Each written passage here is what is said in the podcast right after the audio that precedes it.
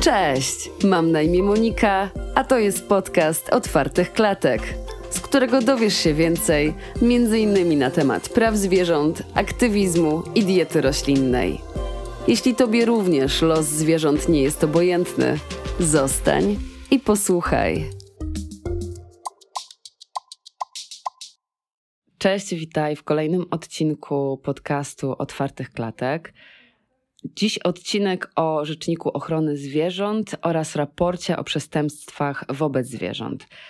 Na straży ochrony przestrzegania praw ludzi stoi m.in. Rzecznik Praw Obywatelskich, Rzecznik Praw Dziecka, Rzecznik Praw Pacjenta, Rzecznik Ochrony Konsumenta, Obecnie praw zwierząt nie chroni w pełni żadna instytucja publiczna. I mimo, że istnieje ustawa o ochronie zwierząt, to nie ma żadnej funkcji publicznej, która faktycznie trzymałaby pieczę nad ich ochroną.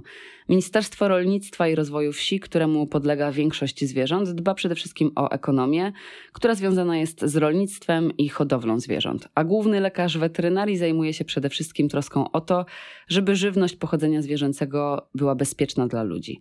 Dlatego dziś porozmawiamy o postulacie powołania Rzecznika Ochrony Praw Zwierząt oraz raporcie na temat przestępstw dokonywanych wobec zwierząt. Na moje pytania odpowie Magdalena Górak, wolontariuszka Otwartych Klatek, studentka prawa na Uniwersytecie Śląskim i działaczka w Studenckiej Poradni Prawnej w sekcji ochrony praw zwierząt. Cześć Magda, bardzo się cieszę, że będziemy mogły dzisiaj porozmawiać. Cześć, e, witam wszystkich e, słuchaczy. Również bardzo się cieszę, że mogę uczestniczyć. W otwartych klatkach analizujemy skalę przestępstw wobec zwierząt i przedstawiamy zebrane dane w raportach. Ostatnia analiza praktyki orzeczniczej sądów i prokuratur w sprawach dotyczących przestępstw wobec zwierząt przeprowadzona była w latach 2017-2019. No a jej powstanie było inspirowane raportem Jak Polacy znęcają się nad zwierzętami. Powstałem dzięki pracy Stowarzyszenia Ekostraż i Fundacji Czarna Owca Pana Kota. Ten raport obejmował lata 2012-2014. Magda, czy przybliżysz statystyki dotyczące przestępstw wobec zwierząt, na które wskazują dane? Ile było spraw? Oczywiście. Te dwa raporty, które zostały y, opracowane, zarówno ten przez y, Stowarzyszenie Ekostraż i Fundacja Czarna Owca Pana Kota oraz y, nasz raport otwartych klatek z lat 2017-2019, tworzy taki kompleksowy obraz na przestrzeni ostatnich 8 lat y, tego, jak zmieniał się, jak kształtował się wymiar sprawiedliwości, jeżeli chodzi o przestępstwa wobec zwierząt. I może zacznę od tego wcześniejszego raportu, żeby zobaczyć sobie, jakie zmiany zaszły. Więc w latach 2012-2014 mm, zarejestrowano, z tego co udało się zgromadzić e, tym, dwóch, tym dwóm organizacjom, zarejestrowanych zostało 4745 spraw, Y, z czego jednak 42% zostało umorzonych już na etapie postępowania przygotowawczego. 31% y, wszystkich spraw y, skończyło się w ogóle odmową wszczęcia dochodzenia, a zaledwie w 19% wszystkich przypadków finalnie został wniesiony akt oskarżenia do sądu. W późniejszych latach 2017-2019 zarejestrowano o trzy sprawy więcej, bo 4748. E, umorzono podobną ilość spraw, bowiem 46 e, wszystkich przypadków. Odmówiono wszczęcia dochodzenia w 29% przypadków, a 19% wszystkich spraw, podobnie jak to miało miejsce w poprzednich latach, zakończyło się wniesieniem aktu oskarżenia do sądu. E, no i te statystyki pokazują, że przynajmniej na etapie postępowań przygotowawczych Y, przez ostatnie kilka lat nie doszło tak naprawdę do żadnych rewolucyjnych zmian, bo te statystyki pozostają na bardzo podobnym poziomie. W praktyce można powiedzieć tak naprawdę, że no jest to tak podobne do siebie, że nie doszło do żadnej gruntownej zmiany. Y, troszkę inaczej rzecz się ma, jeżeli chodzi o postępowania na etapie sądowym. Przejdę od razu do tego, co pewnie ciekawi największą ilość osób, y, czyli do kar, do sposobów, w jakich te sprawy się zakończyły.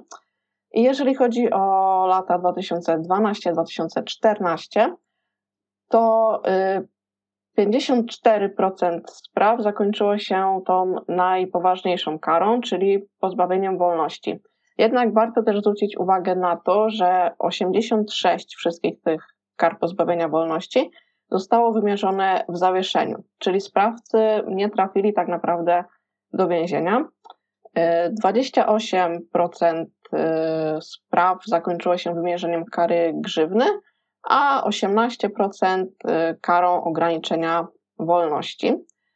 Jeżeli chodzi o późniejsze lata, 2017-2019, to tu już trochę wygląda to inaczej, mm, bowiem 38% spraw zakończyło się wymierzeniem kary pozbawienia wolności, czyli mniej niż miało to miejsce w poprzednich latach, ale też warto zwrócić uwagę na to, że sądy rzadziej tą karę wymierzały w zawieszeniu, bo już tylko 57% kar pozbawienia wolności zostało wymierzonych w zawieszeniu. Czyli mimo tego, że ta kara jest wymierzana rzadziej, no to sądy też częściej robią tak, że jest ona bezwzględna, bez okresu takiej próby dla sprawcy.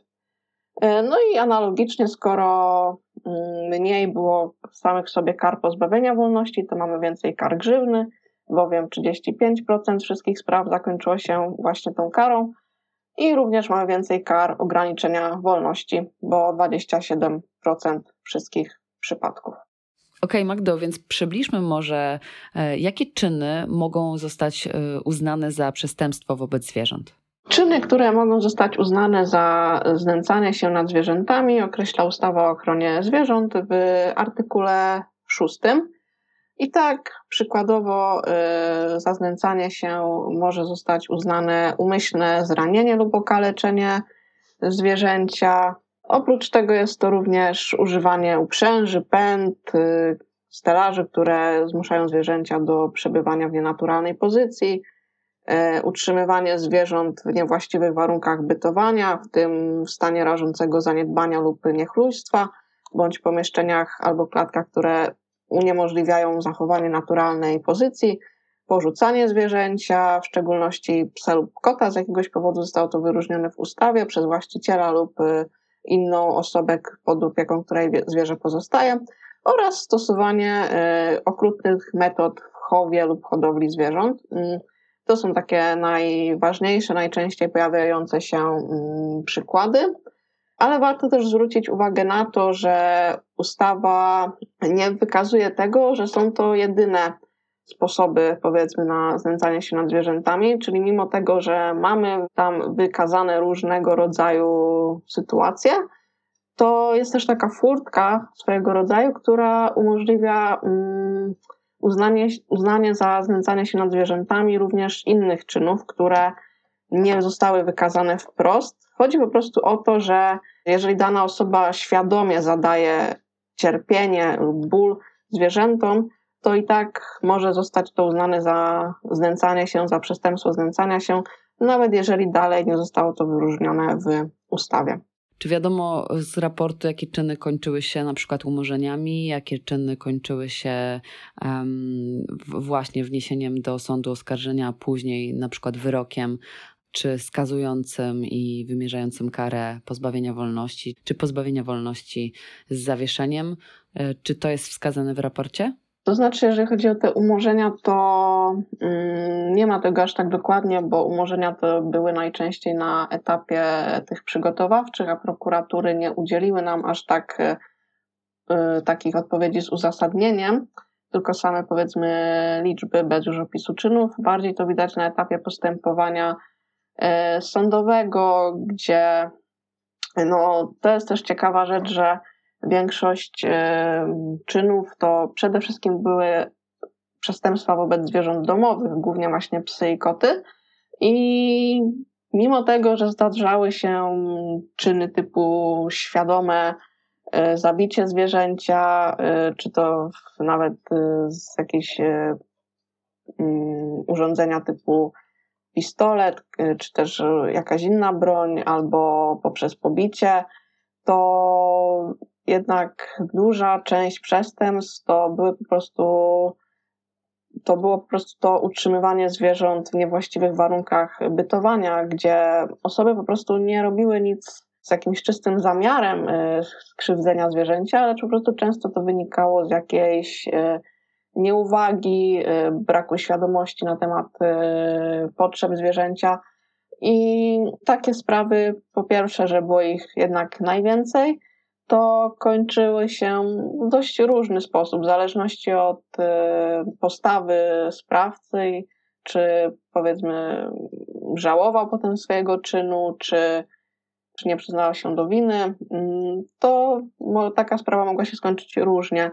E, były w takich przypadkach zarówno e, kary pozbawienia wolności w zawieszeniu najczęściej, ale też sądy po prostu mogły, sądy też wymierzały w tych takich przypadkach kary ograniczenia wolności i często mm, zakazy posiadania zwierząt lub y, y, przepadek zwierzęcia. No tak, ale wyraźnie widać tutaj przewagę, że dotyczy to tak zwanych zwierząt towarzyszących. Natomiast y, to nie są jedyne zwierzęta żyjące na Ziemi.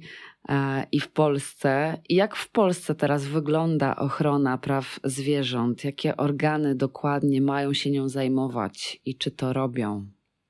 Więc w Polsce mamy kilka organów, które zostały zarówno wskazane w ustawie o ochronie zwierząt oraz y, kilka też poza ustawą. Może zacznę od tych wskazanych w ustawie. Mm, przede wszystkim powinna być to inspekcja weterynaryjna, która y, zgodnie z ustawą o ochronie zwierząt właśnie została została y, wyposażona w kompetencje stanowienia nadzoru nad y, przestrzeganiem przepisów o ochronie mm, zwierząt.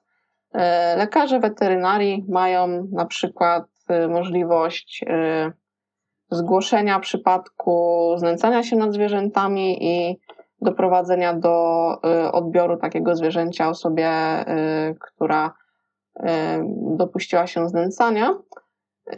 Jednak też, co było wspomniane przez Monikę na początku, Inspekcja weterynaryjna jest jednak głównie organem zajmującym się, zajmującym się kwestiami sanitarnymi. Ma za zadanie stać przede wszystkim na, na straży mm, ochrony zdrowia publicznego, E, takim jej głośnym zadaniem jest e, zapobieganie i zwalczanie epidemii różnych chorób wśród zwierząt.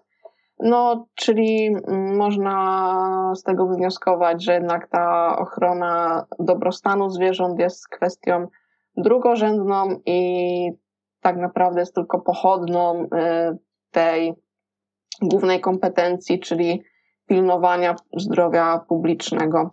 Czyli w ogóle nie ma na celu tego, żeby zminimalizować cierpienie zwierząt, szczególnie kiedy mówimy o zwierzętach hodowlanych. Tak, jeżeli chodzi o jakieś inspekcje y, przeprowadzane na, hodow y, na hodowlach, no to właśnie inspekcja przeprowadza je głównie pod kątem y, przestrzegania przepisów sanitarnych i czy nie dochodzi do jakichś naruszeń, które mogłyby spowodować właśnie zagrożenie dla zdrowia publicznego. Oczywiście y, lekarze weterynarii mogą też zwracać uwagę na dobrostan zwierząt i nie da się ukryć, że inspekcja jednak coś robi w tym kierunku i no jeżeli dojrzą jakieś bardzo znaczące naruszenie dobrostanu, to jak najbardziej mogą to zgłosić i wyciągnąć jakieś y, środki dalsze wobec takiej hodowli. No jednak głównie jest to kwestia ochrony zdrowia publicznego i zapobieganie epidemiom chorób od zwierzęcych. To jeżeli chodzi o inspekcję weterynaryjną, byłoby to mniej więcej na tyle. Y, dalej w ustawie mamy wskazane organizacje społeczne, których statutowym celem jest ochrona zwierząt. I tutaj zgodnie z ustawą o ochronie zwierząt y, te organizacje mają współdziałać z administracją rządową, samorządową, inspekcją weterynaryjną właśnie i samorządem weterynaryjnym w celu realizacji przepisów tej ustawy. I takim jednym z najważniejszych uprawnień tych organizacji jest możliwość dokonania interwencyjnego odbioru zwierzęcia, E, czyli czasowego odbioru od opiekuna, gdy zachodzą przesłanki ku temu, że traktuje je właśnie w sposób wypełniający znamiona znęcania się. E, I organizacje prozwierzęce mają także uprawnienia e, w trakcie procesu karnego. i w sprawach dotyczących przestępstw wobec zwierząt mogą występować w roli mm, pokrzywdzonego. Jak to zrealizować w praktyce, jeśli mówimy o hodowli świń, y, kilkuset albo kilku tysięcy, które, których dobrostan nie jest zachowany?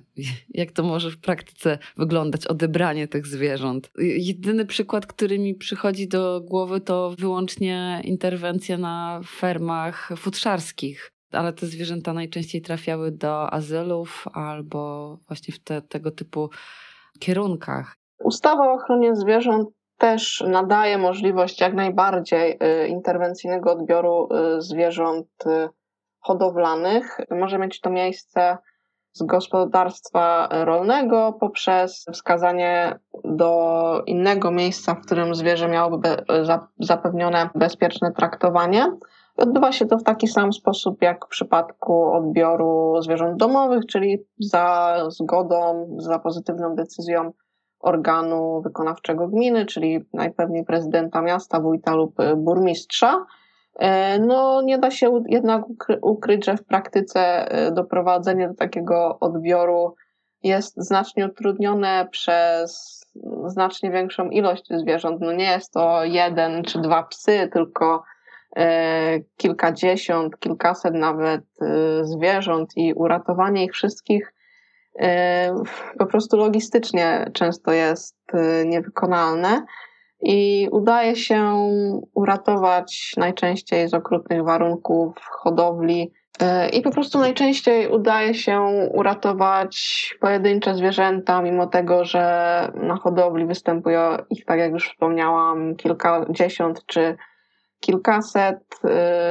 I nie da się ukryć, że znacznie rzadziej w ogóle może dojść do takiej możliwości, bo jeżeli chodzi o kontrole czy inspekcje przeprowadzane na hodowlach, to właśnie mogą być one realizowane przez inspekcję weterynaryjną, najczęściej w celach związanych z ochroną zdrowia publicznego właśnie.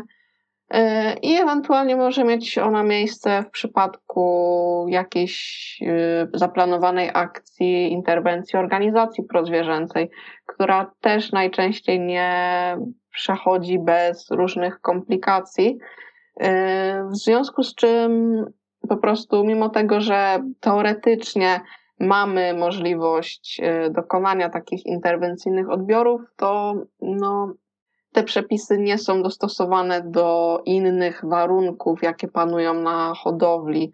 No i mimo tego, że jak najbardziej teoretycznie posiadamy takie przepisy, to nie są one dostosowane do specyficznych warunków y, hodowli, bo wszystko to odbywa się na, na takich trochę biurokratycznych zasadach. Musi dojść do interwencji i współdziałania kilku organów i ciężko zrobić coś tak naprawdę w sposób zgodny z przepisami, tak żeby odniosło to pozytywny skutek dla zwierząt i żeby, mo żeby można było uratować jak największą ich ilość. W tym przypadku można powiedzieć, że ustawa trochę, trochę zawodzi i tutaj właśnie wyraźnie widać brak takiego organu, który byłby dedykowany e, stricte ochronie dobrostanu zwierząt. Czyli na papierze się zgadza, ale nie ma to przełożenia na rzeczywistość. Powiedziałaś o tym, że mogłoby pomóc powołanie rzecznika ochrony praw zwierząt. Czy to e, jest coś, co mogłoby zdecydowanie poprawić sytuację? Jakie kompetencje miałby posiadać rzecznik? Uważamy, y, że powołanie organu państwowego posiadającego kompetencje do E, już e, tylko i wyłącznie ochrony dobrostanu zwierząt e, byłoby znacznym, znacznym poprawieniem panującej obecnie sytuacji.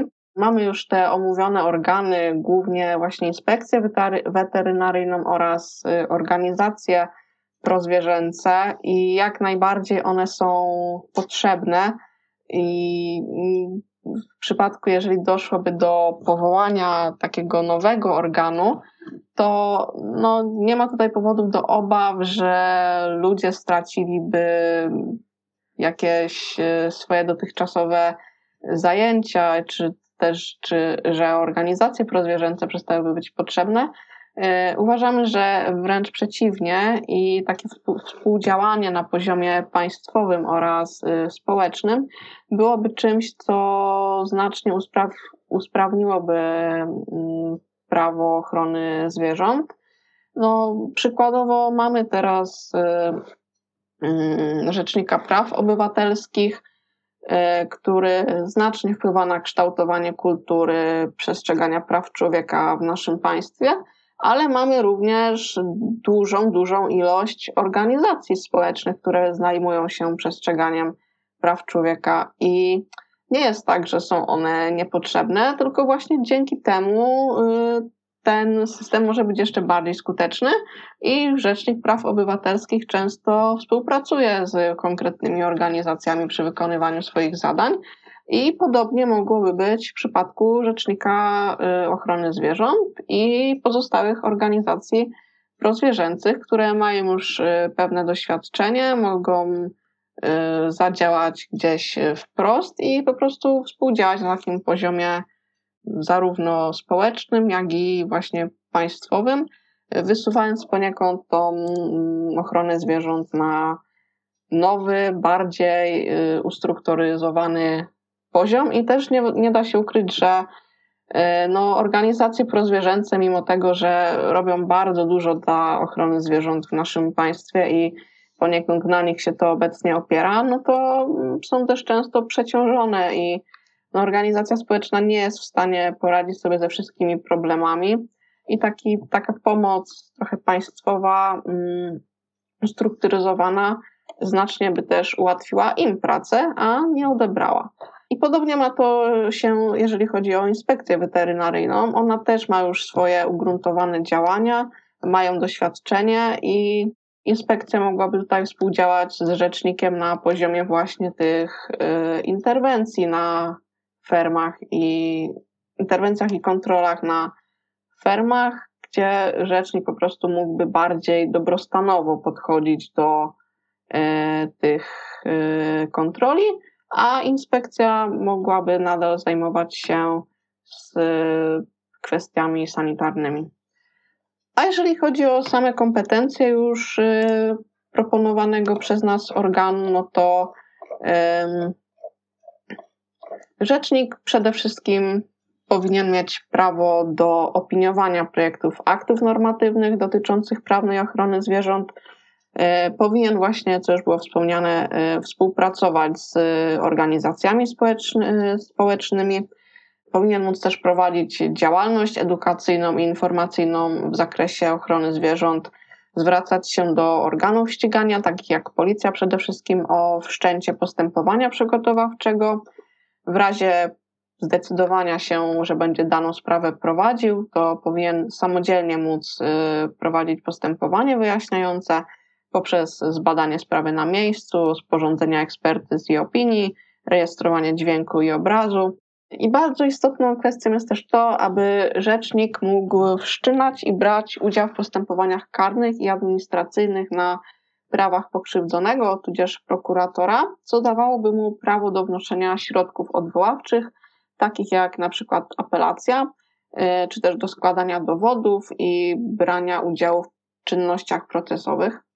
E, warto też wspomnieć, że rzecznik byłby organem niezależnym i niezwiązanym e, różnymi poleceniami, czy to ze strony e, Sejmu i Senatu, czy różnych ministrów, a prawo do opiniowania kandydatur na rzecznika posiadałyby właśnie organizacje prozwierzęce, a kandydat czy też kandydatka na to stanowisko musieliby posiadać pewne już kompetencje, które byłyby gwarancją, że jest to właściwa osoba na to stanowisko, czyli na przykład wyższe wykształcenie i co najmniej pięcioletnie doświadczenie w zakresie pracy ze zwierzętami.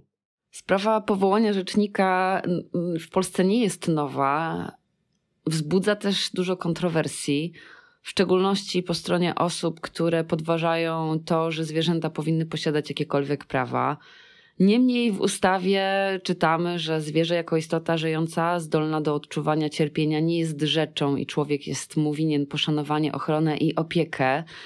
To jednak nie przekonuje części osób. Przygotowując się do dzisiejszego odcinka, robiłam rozeznanie w internecie e, i doczytałam się do artykułu Aleksandry Hurkały, e, która zatytułowała go Rzecznik Praw Zwierząt, paląca potrzeba czy zbędny wymysł pracodawcy. Artykuł pojawił się na łamach e, palestry. Przeczytam wniosek z niego płynący. Ze względów przedstawionych w niniejszym opracowaniu uważam propozycję powołania Rzecznika Praw Zwierząt za zbędną. W obecnie obowiązującym stanie prawnym funkcjonują przepisy, które mają gwarantować e, zwierzętom ochronę. Istnieje również rozwinięta struktura organów państwa, które dysponują narzędziami służącymi do egzekwowania należytego traktowania zwierząt. Czyli Idąc um, tokiem myślenia autorki tego artykułu, ludziom także niepotrzebny jest rzecznik praw e, obywatelskich, rzecznik praw dziecka, rzecznik praw konsumenta. Przecież istnieje już prawo, które ma to gwarantować. I po co więc w takim razie rzecznicy? Um, co ty myślisz na ten temat? Czy ty też widzisz te głosy e, sprzeciwu um, przeciwko powołaniu rzecznika i jak, e, jak odnosisz się do argumentów, szczególnie tych, które płyną ze strony prawników? Tak, e, jak najbardziej pojawiają się głosy przeciwko powołaniu organu rzeczniczego, który miałby zajmować się ochroną praw zwierząt. Y, no jednak jak wydaje się, że już zostało wykazane, y, mimo tego, że mamy organy, które posiadają pewne kompetencje odnośnie y, strzeżenia dobrostanu, no to nie są to przepisy i kompetencje kompletne. I chociażby patrząc po statystykach tych spraw, jakie mamy teraz obecnie, to znaczna ilość przypadków jest jednak umarzana albo w ogóle odmawia się wszczęcia dochodzenia. Nie wynika to z tego, że tych przestępstw jednak nie popełniono, tylko często jest też tak, że organy nie mają jakiejś y, większy, większego pola manewru do udowodnienia, że takie przestępstwo zostało popełnione. I nawet jeżeli mamy tą inspekcję weterynaryjną, to tak jak już mówiłam, ona po pierwsze nie jest jej głównym zadaniem ochrona dobrostanu zwierząt, a po drugie y, słyszy się też, że jest y, mocno niedofinansowana i że brakuje w niej po prostu zasobów do prawidłowego wykonywania y, ciążących na niej obowiązków. E, nie da się też ukryć, że organ rzeczniczy jest swego rodzaju wyróżnieniem na poziomie państwa danego problemu. Tak jak właśnie mamy rzecznika praw obywatelskich, czy też rzecznika e, praw dziecka, to jest e, pewnego rodzaju sygnałem od państwa, że ochrona praw tych podmiotów jest dla nas jako państwo i społeczeństwa bardzo, bardzo ważna. I można tutaj mieć e, pewne wątpliwości, ale wydaje się, że wartość symboliczna tego organu też jest bardzo ważna, no bo jest to wprost skazane wtedy, że tak, zależy nam na dobrostanie zwierząt, na ich ochronie, na tym, żeby jednak realizować te przepisy w ustawie mówiące o tym, że zwierzę nie jest rzeczą i że należy mu się ochrona i, i szacunek, bo mając też na uwadze zarówno y, praktykę, jak i obowiązujące przepisy w kwestii dobrostanowej, często zwierzęta są jednak sprowadzane do, do roli takiej rzeczy.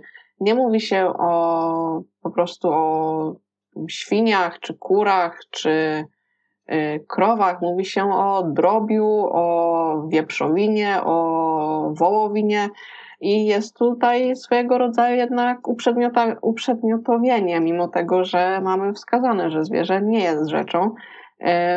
Więc pierwsze, rzecznik ochrony zwierząt byłby swojego rodzaju symbolem y, ochrony zwierząt w Polsce i pokazaniem, że zależy nam na ich dobrostanie, a po drugie jednak dysponowałby kompetencjami innymi niż y, dotychczasowe, konsolidując poniekąd zarówno te działania, które realizuje obecnie Inspekcja Weterynaryjna, jak i organizacje prozwierzęce oraz dysponowałby kompetencjami nowymi i po prostu y, zamiast powiedzmy przerzucać na działające organy, które mają też swoje inne zadania, y, jeszcze kwestii dobrostanowych, moglibyśmy zrealizować taką syntezę wszystkich tych y, działających organów i tego nowego i moglibyśmy zrealizować ochron system ochrony zwierząt na kompleksowym, pełnym poziomie, realizując również y, zapisaną w prawie dereifikację zwierząt. Tak więc nie jestem w stanie się zgodzić, że y, obecnie mamy y, środki i przepisy, czy też instytucje, które zapewniają nam tą ochronę, bo jak już wynika z omówionych raportów, jak i y, po prostu z praktyki tego, co robią obecne, obecnie działające organy, to no nie wygląda to tak, jak powinno i słysząc różnego rodzaju doniesienia medialne, jeżeli już uda się przeprowadzić interwencję na jakiejś hodowli, na fermie, czy to futrzarskiej, czy czy, czy fermie, y, gdzie są hodowane kury, no to wtedy okazuje się, że ten dobrostan ani trochę nie jest zachowany i działające obecnie organy nie są w stanie do jego przestrzegania doprowadzić. Przypomnę tylko, że według raportu w samych latach 2017-2019 w prokuraturach zarejestrowano 4748 spraw dotyczących przestępstw wobec zwierząt. Jeśli jesteście ciekawi raportu, e, link podam w opisie. Możecie go też znaleźć na blogu Otwarte Klatki. Zapraszamy Was też serdecznie do tego, żebyście wsparli nasze działania i podpisali petycję do Sejmu o powołanie instytucji Rzecznika Ochrony Zwierząt. Link również zamieszczę w opisie tego odcinka. Magda, dziękuję Ci serdecznie za rozmowę i za wszystkie informacje. Również bardzo dziękuję. Y, bardzo miło, miło było mi y, przybliżyć y, to, jak wygląda obecnie ochrona zwierząt w Polsce i przedstawić pomysł na to, aby była lepsza. A Was, drodzy słuchacze, zachęcam także do tego, żebyście obserwowali nas na profilach w social mediach, na Instagramie, na TikToku, na Facebooku, żebyście śledzili naszego bloga, wpadali na stronę internetową, odwiedzali nas na konwentach, eventach i wspierali nasze działania. Dziękuję serdecznie za to, że słuchałeś, słuchałaś naszego odcinka i do usłyszenia w kolejnych. Cześć!